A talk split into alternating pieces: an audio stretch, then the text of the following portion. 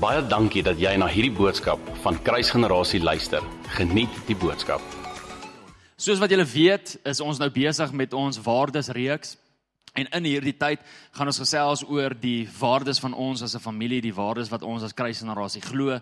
Laas week het ons 'n familiekonferensie gehad en die hele idee van dit was ook om van die fondasie van familie af en geestelike familie af te kan beweeg. En julle het dit oor en oor gehoor. Dit is vir my so amazing dat nie net ek die enigste uh, persoon was wat dit gesê het nie, maar die ander predikers het ook gesê het dat God selfs eers herstel kan bring in hierdie wêreld die oomblik wanneer families gesond is.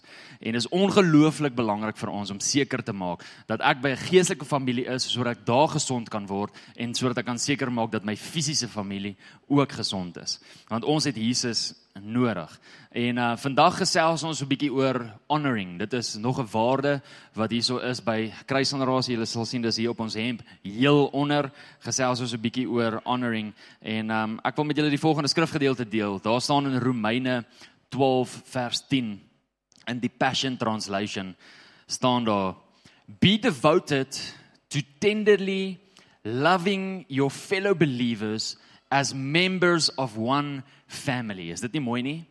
So, dit sluit so aan by dit wat ons gedoen het laas naweek, die hele familie ding.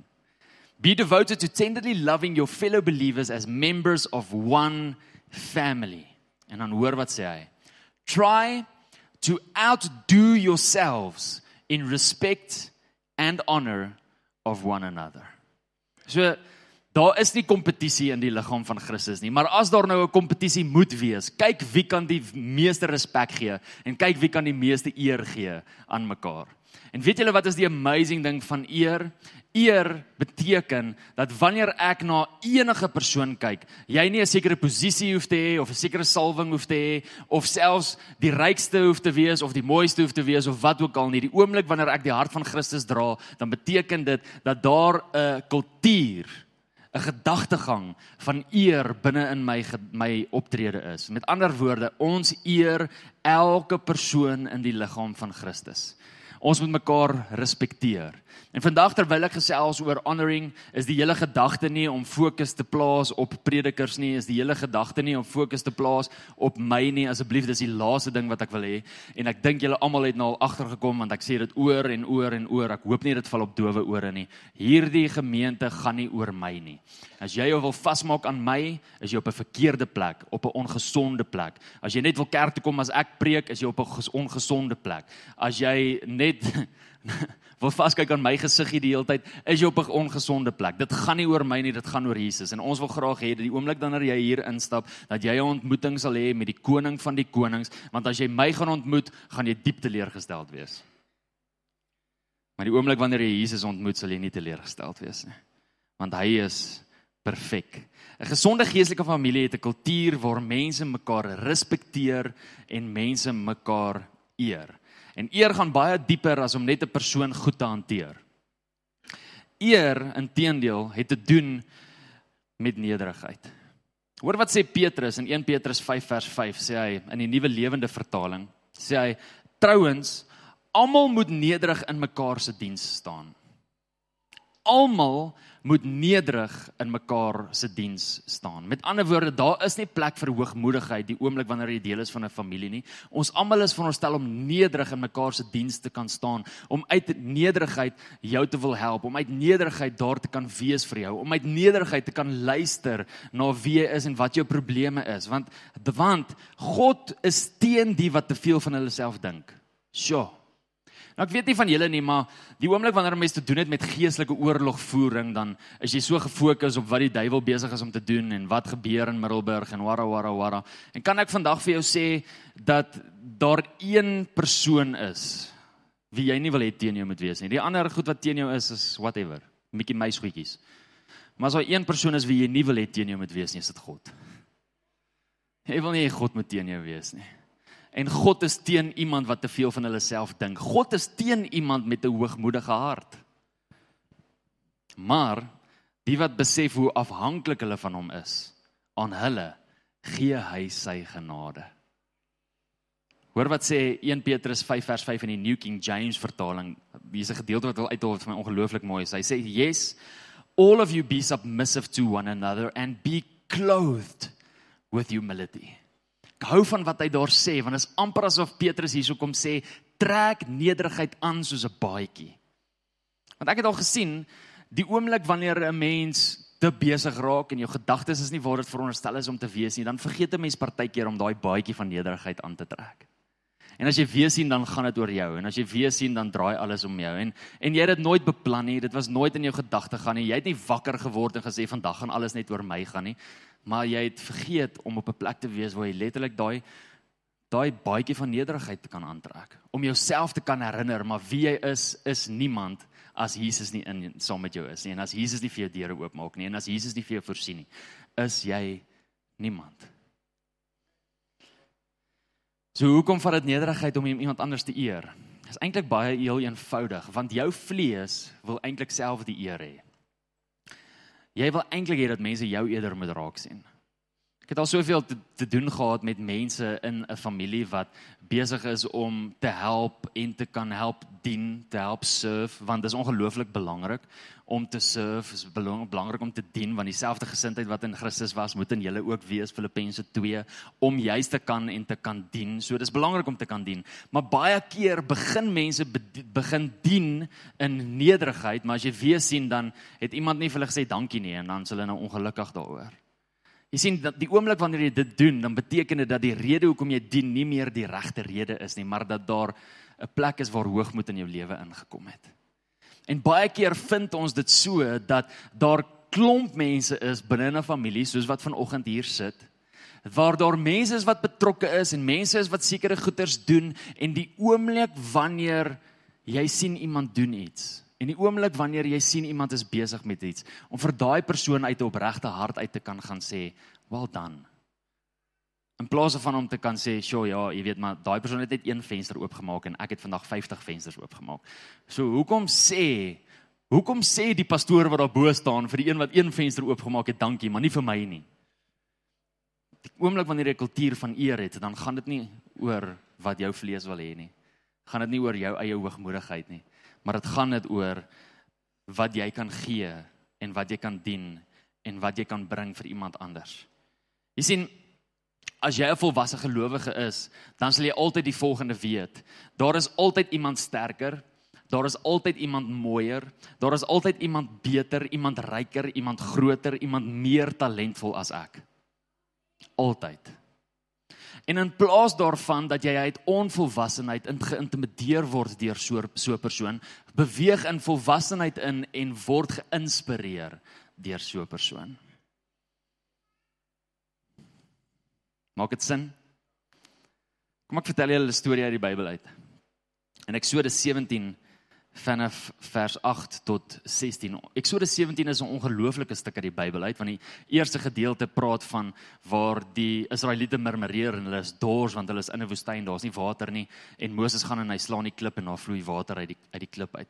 Maar in die tweede gedeelte vanaf vers 8 af sien ons dat daar 'n nasie, die Amalekiete, teen hulle opstaan en dat Moses na Joshua toe kom. En hy sê vir Joshua: "Joshua, kry vir jou manne en trek jouself op teenoor die Amalekiete. Want ek sal met my staf bo op die berg staan en so sal julle oorwinning behaal." Dis 'n amazing gedeelte. Ek dink baie van ons ken hierdie gedeelte. Maar is amazing dat hy sê dat ek sal met my staf bo op die berg staan. Jy weet staf se simboliek is die autoriteit wat God vir Moses gegee het. Dis wat die simboliek van die staf is. En dit is baie interessant en baie belangrik om te onthou veral wanneer 'n mens die kultuur van eer in jou hart wil hê dat jy sal weet dat enige persoon wat in 'n magsposisie is of enige persoon wat in 'n leierskapsposisie is of enige persoon wat in beheer is van iets is daar as gevolg van die feit dat God daai persoon wil hê. Glo jy dit gelowige? Want dis wat in Romeine 13 staan. Jy sien maar die oomblik wanneer ons na goeie leiers kyk, dan is dit maklik om dit te glo, maar die oomblik wanneer ons na slegte leiers kyk, dan is dit so dan is dit bietjie moeilik om dit te glo. Kyk, dis nou 'n preek vir 'n ander dag. Ek sal nou nie in dit ingaan nie. Joshua is gehoorsaam aan dit wat Moses sê en hy doen juist dit. Hy kry vir hom manne en hulle trek op teenoor teen die Amalekiete. En die woord van die Here sê in daai gedeelte dat Moses bo op die berg is en terwyl Moses met sy hande in die lug is, is Joshua en die hele weermag besig om te oorwin en sodra Moses sy hande laat sak is Joshua en die hele weermag besig om te verloor. En Aaron en Hur sien wat besig is om te gebeur en Aaron en Hur vat 'n klip, hulle sit 'n klip onder Moses sodat Moses op 'n klip kan sit en hulle staan aan weerskante van Moses en hulle lig lig sy hande omhoog sodat die oorwinning behaal kan word. Dan kan ek net vir jou die volgende leer uit 'n kultuur van eer, uit 'n kultuur van honoring uit. Vir geen oomblik het daar Aaron en Hur gesien Moses is besig om te sukkel en gesê Moses gee vir my die staf nie. Baie keer in die kerkwêreld is dit wat ons doen. O, oh, daai ou sukkel, hy kom nie lekker reg nie. Al het die Here hom gekies, gee vir my die staf, ek sal dit doen. Nee nee, Aaron en Hur se gedagtegang is glad nie dit nie. Hulle sê Moses, ons sien dat God jou gekies het en ons sien dat die oomblik wanneer jou hande omhoog is, dat die volk besig is om te wen en ons sien as jou hande sak, dat die volk besig is om te verloor ek is nie in die posisie om my hande so te hou nie. Ek wil nie daai verantwoordelikheid hê nie. Ek is nie gekies vir die een wat die autoriteit moet hê oor Israel nie. So ons gaan jou op 'n klip sit en ons gaan jou hande omhoog hou. En dit is juis wat Aaron en Hur doen. Hulle kies Moses nog steeds al is sy hande moeg en hulle hou eerder sy hande omhoog. Hoekom? Want God het vir Moses gekies, nie vir Aaron of vir Hur nie. Nou hoor gou die volgende. Hierdie hele gedeelte sê vir ons die volgende dat die oomblik wanneer Moses hande op, op in die lug is dan wen Israel. En die oomblik wanneer dit sak dan verloor Israel. OK. Het jy agtergekom dat die oorwinning gelê het in die hand van Moses en nie in die hand van Joshua nie? Het jy agtergekom as jy na hierdie verhaal kyk dat dit nie saak gemaak het hoe Joshua beklei het nie? As Moses se hande in die lug is, dan is die Israeliete besig om te wen. Die Israeliete fight met hulle strategie en met hulle talente en alles wat die Here vir hulle gegee het en hulle is besig om te, te om te wen, om te wen. En nou kom Moses en sy hande word moeg en nou gaan sak hy sy hande en nou is Joshua en die Israeliete op 'n plek waar hulle nog presies op dieselfde manier beklei, nog presies dieselfde strategie het, nog presies dieselfde energie en moeite insit in hierdie bekleierery, maar nou verloor hulle want die oorwinning het nooit oor hulle gegaan nie, maar die oorwinning het gegaan oor die persoon wat bo hulle aangestel was. Eer. Soveel keer in ons werksplek is ons op 'n plek waar ons ons leiers, ons managers, ons basse 'n oneer aandoen die oomblik wanneer ons dink ons dit beter kan doen. Het jy geweet dat hulle daar is omdat God hulle daar gesit het? Romeine 13 En het jy geweet dat jou oorwinning nie gaan af gaan afhang van hoe jy dit doen en hoe talentvol jy is en hoe goed jy dit doen nie, maar as gevolg van die feit dat daar 'n posisie is wat God oor iemand geplaas het en daai persoon in sy posisie moet volstaan. En dit is so belangrik ook vir die leiers om nie moeg te word nie. En dit is so belangrik ook vir die leiers om hulle regte posisie in te neem want partykeer neem die leier 'n verkeerde posisie in of 'n ander posisie in. Moses se posisie is hier. Maar die oomblik wanneer sy posisie hier is, verloor hulle. Leiers het nodig om die regte posisie in te neem. Maar selfs wanneer hulle op 'n plek is waar hulle posisie nie reg is nie, is 'n kultuur van eer nooit om daai persoon te onttroon of daai persoon se autoriteit te vat of daai persoon se plek te wil vat nie, maar eerder om te sê, "Hoe kan ek jou hande sterk maak?" Dit is 'n kultuur van eer.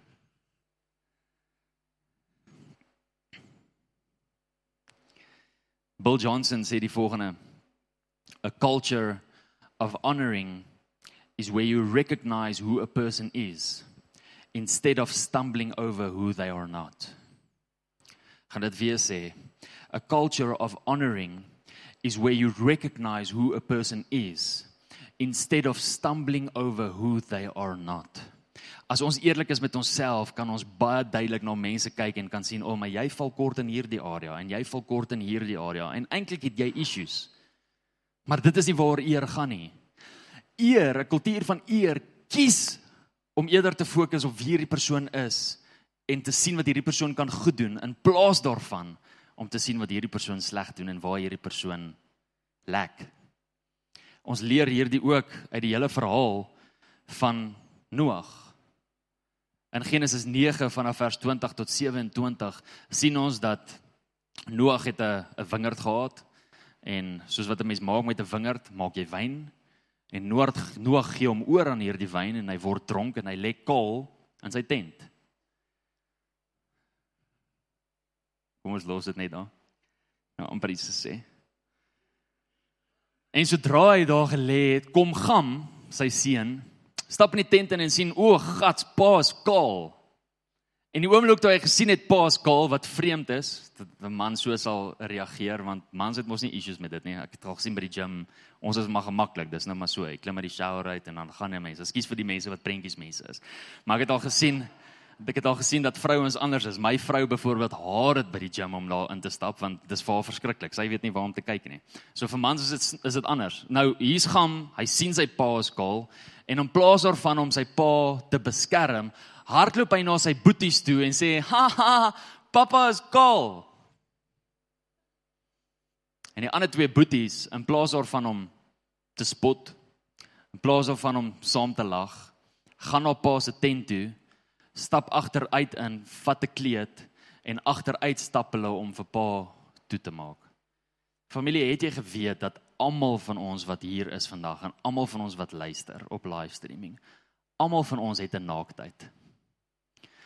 Almal van ons het iewers 'n plek waar ons dit mis, waar ons moet groei in ons karakter. Waar as jy as jy letterlik daai gedeelte van my ken, sal jy nie van my hou nie. Wat ons probeer onderdruk, waar ons dalk 'n masker probeer opsit. Almal van ons het 'n naaktheid. Het jy geweet dat as jy tyd spandeer saam met iemand, die kans ongelooflik goed is dat jy daai persoon se naaktheid gaan begin sien.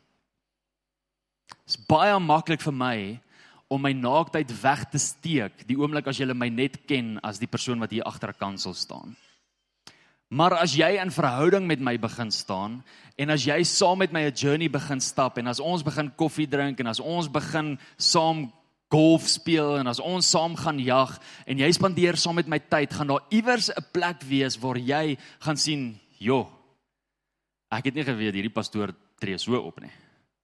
Ek het nie geweet hy word kwaad as hy op die op die bof staan en hy hoek sy drywer in die bosse nie. Hoe kan jy geweet hy word kwaad nie? Jy moet dan nou geduld wees van self. Die oomblik wanneer jy met iemand begin kuier, dan kom jy sy naaktheid uit. Jerome Liberty, 'n pastoor in Johannesburg, hy het die volgende gesê. Hy sê People joined my church when they saw my anointing, but they left my church when they met me. People joined my church when they saw my anointing, but they left my church when they met me. Soveel keer sit ons mense op 'n pedestal want daai ou moet perfek wees want hy is mos nou heel bo naby aan die hemel so die as God praat dan hoor hy dit eerste En as gevolg daarvan, kan ons nie dink dat hierdie persoon issues het nie. Kan ons nie dink dat hierdie persoon ook val partykeer en ook verkeerde keuses maak en ook dalk kwaad word nie. Daar's naaktheid in ons almal en hier's die vraag, wat doen jy die oomblik wanneer jy iemand se naaktheid sien? Want 'n kultuur van eer tree op soos die twee boeties. Loop agteruit en maak dit toe. Maar kultuur van oneer maak soos gam gemaak het. En maak 'n bespotting daarvan en laat almal weet jy moes gesien het. Nou nog kuier ek so met hierdie ou en ons is op die golfbaan en hy slat sy bal daar in die bosse in. Jy moes gehoor het wat se woorde kom uit sy mond uit. Ek kan dit nie glo nie. En hy preek met daai mond van hom. En hy soen sy vrou met daai mond van hom. Dit klink vir my soos gam. Dit het nie gebeur nie, hoor. Dit is so net so by the way. Ek sê maar net. Dit klink vir my soos 'n hart van gam en nie so sem en jafet nie. Wat doen jy die oomblik wanneer jy iemand se naaktheid sien? Die mate van eer in jou hart teenoor 'n persoon gaan bepaal wat die mate is van wat jy van daai persoon kan ontvang. Ek wil dit weer sê, die mate van eer in jou hart teenoor 'n persoon gaan bepaal wat die mate is van wat jy van daai persoon sal ontvang. En jy kan dit maar toets. Gaan kyk as jy nie van iemand hou nie of jy daai persoon se woord sal ontvang.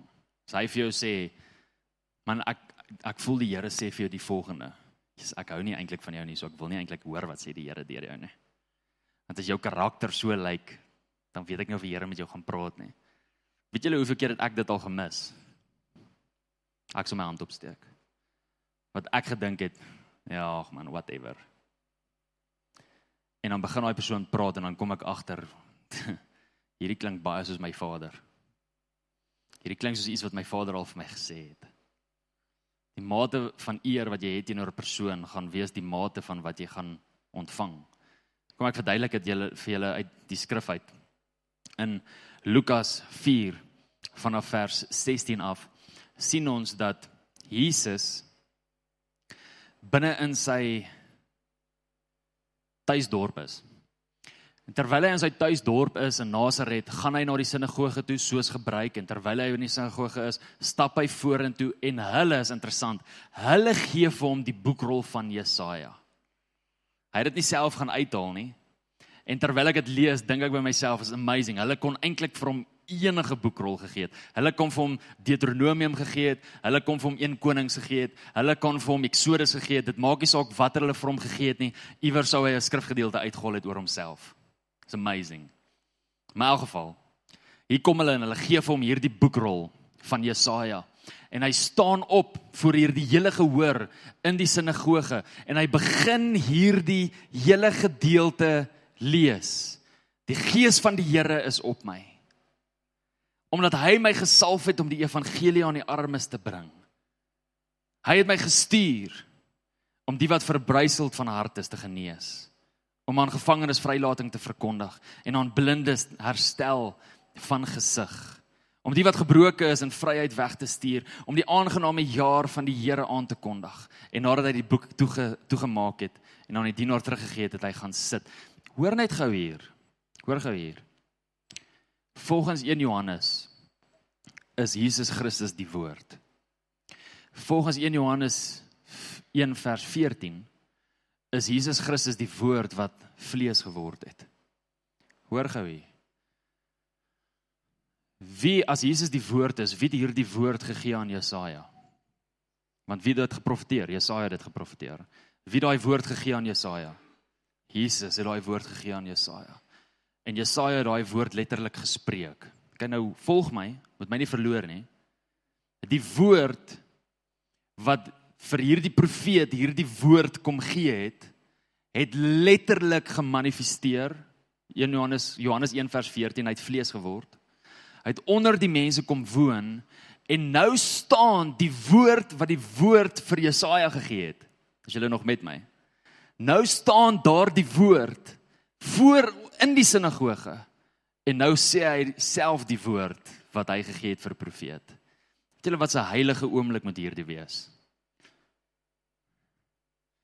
En as jy sien sal jy verder lees en sal jy sien dat terwyl hy praat is die mense in verwondering. Ek kan net by myself dink, kan jy imagine as Jesus hier instap en hy staan hier agter en hy maak hierdie woord van God oop en hy lees 'n gedeelte van homself wat hy oor homself gespreek het. Wat 'n salwing. Wat 'n krag.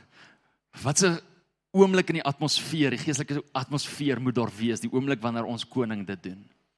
En dit is hoekom die mense daar sit in verwondering. Want hulle kom agter, hoor hierdie ou klink nie soos 'n fariseer nie. Hy klink nie soos soos een van die ander ouens wat ons leer nie. Nee, hier's 'n hier's 'n ander salwing op hom. Hier's iets anders op hierdie ou. En ek sien As ek nou 'n YouTube prentjie moes gesien het van hoe dit moes afspeel, sien ek hoe die mense onder mekaar murmureer en hoe die mense hoendervleis kry en hoe die mense met mekaar gesels om te sien, "Wow, hoor hierdie ou. Wie's die ou?" Tot op 'n oomblik. Op 'n oomblik vra een van die ouens, as jy daar gaan lees en jy kan gaan lees in Matteus 13 ook en in Markus 6, drie drie gedeeltes waar hierdie gedeelte gaan. Op 'n stadium kom daar 'n persoon en hierdie persoon sê, "Maar Is dit nie die seun van Dawid nie? Ag Josef nie, skus. Is dit nie die seun van Josef nie? Het hy nie onder ons groot geword nie? Is sy ma nie Maria en is hierdie nie sy boeties nie en is hierdie nie sy sissies nie? En dadelik toe hulle dit sê, word hulle familier met wie hy is en hulle kan nie meer ontvang nie. Kan, kan jy die volgende picture? Hoe is dit moontlik dat die koning van die konings, die skepper van die heelal, in wie alles is en deur wie alles beweeg en tot wie alles geskape is, die volheid van God in die vlees, voor jou staan en jy ontvang nie van daai een nie, daai persoon nie. Hoe is dit moontlik? Dit is eintlik heel eenvoudig. Daar's nie meer eer in jou hart nie. Maar jy het familier geword. Familiariteit is die gevaarsteen, is 'n bou is 'n is 'n blokkade van dit wat God wil doen in jou lewe. Ek het al soveel keer gesien, ek sien dit op ons op ons span ook. Ek sien ek ontbloot nou ons span. Maar daar's nou 12 van ons. En ek het al gesien as ons op 'n maandag meeting het en ons bid vir mekaar en ons share bietjie woord, het ek al gesien dat as daar sekere van die spanlede is wat 'n woord gee, as die ander is, eh, is net hy. Maar het ek al gesien as Pastor Tuis byvoorbeeld iets sê of as Willem byvoorbeeld iets sê, dan luister die mense. Want dis mos nou Willem, dis mos nou Pastor Tuis, ons moet nou luister. Maar as die een van die interns is, is dit eh, is 'n verkeerde plek om te wees en dis 'n gevaarlike plek om te wees want familiariteit maak dat God dat iets gesteel word van dit wat God van jou wil gee, vir jou wil bied. So kan ek dalk die volgende ook sê, want ek het dit al gehoor. Julle weet dit as julle onder mekaar praat dat die stories by ons uitkom, nê? Nee. Het julle dit geweet? Ek weet julle is nie almal so volwasse soos wat Matteus 18 sê wat sê as jy 'n probleem het met iemand dan gaan praat jy met daai persoon nie. Daar's van julle wat skinder en dis oukei. Okay. Ons het geduld met julle want in 'n familie is daar altyd kinders. maar het jy geweet dat die oomblik as die kinders met mekaar skinder en met mekaar gesels, dan kom dit by die pa uit. Het jy geweet dat alles wat in die duisternis kom in die lig, die oomblik wanneer Jesus in 'n saak is. Het julle geweet dat ons al gehoor het dat julle sê, ja, as pastoor Janie preek en dan wil ek nie kerk toe kom nie. Ek het dit al gehoor. Ek wil ek wil my klere skeer. Die oomblik as ek dit hoor, want dit beteken dit dat jy na my kyk as een of ander iets. En dan beteken dit dat daar 'n fout is in jou hart want jy kan nie eers enige persoon wat hier agter staan eer nie en die oomblik wanneer jy nie daai persoon eer nie, kan jy nie van daai persoon ontvang nie. Hoeveel keer het pastoor Tuis 'n amazing woord gebring van hier agteraf en jou hart was verkeerd en het niks ontvang nie. Hoeveel keer het Willem 'n amazing boodskap van hier af gebring en jy het gedink ag hy's jonk, ag hy gebruik slang die hele tyd, hy praat die hele tyd Engels tussenin en hy hashtag hierdie en hashtag dit, so ek gaan nou nie van hom ontvang nie. Hoeveel keer? Te veel keer. En kan ek vir jou sê jy het uitgemis op 'n huge blessing. Want die oomblik wanneer jy 'n kultuur van eer in jou hart het, dan maak dit nie saak wie hierdie mikrofoon vat en hier agter staan nie. Jy gaan hoor wat die Here deur daai persoon wil sê. Al het hierdie persoon nou die dag oor die straat geloop met 'n bottel drank in sy hand. As jy kultuur van eer het, dan ontvang jy van enigiemand af.